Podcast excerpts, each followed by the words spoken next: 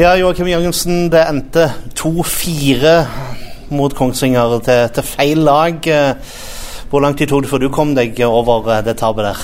Nei, eh, for å være helt ærlig så satt jeg og sugde på den karamellen ut kvelden, og så var det glemt dagen etter. Eh, så da begynte vi bare å fokusere på den kampen her. Så vi kan ikke, kan ikke gnage for lenge på det. Vi gikk gjennom litt videobilder og, og og fått trent litt på det vi slet med eh, denne uka her. Så eh, nå er vi full av optimisme igjen. Og hvis vi fortsetter å vinne en fire-fem kamper på rad, så går det an å tape igjen innimellom. Det, den statistikken der eh, tar jeg gjerne med meg videre. Så nå må vi bare eh, fram med kassa igjen og, og, og begynne å plukke trepoengere, så kommer det til å bli bra.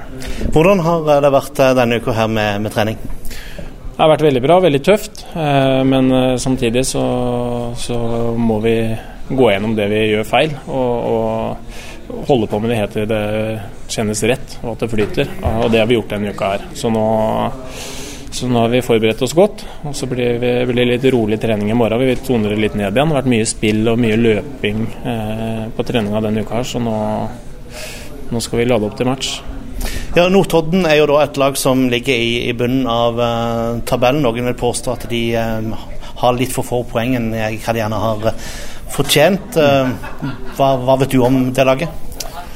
Notodden er jo spillende lag, det. og på, på, en god dag så er ikke de noe dårligere lag enn noen andre i serien her. Eh, at de har hatt litt utur og sånn, det kan eh, slå begge veier.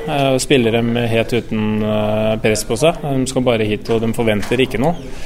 Og Det kan jo være farlig, det. At de slipper seg ned for mye og begynner å holde i kula og få til spillet sitt. Men da er det viktig at vi tar knekken på dem med en gang. At vi er der fra starten av og trøkker til i duellen og viser dem at her får de ikke med noen ting.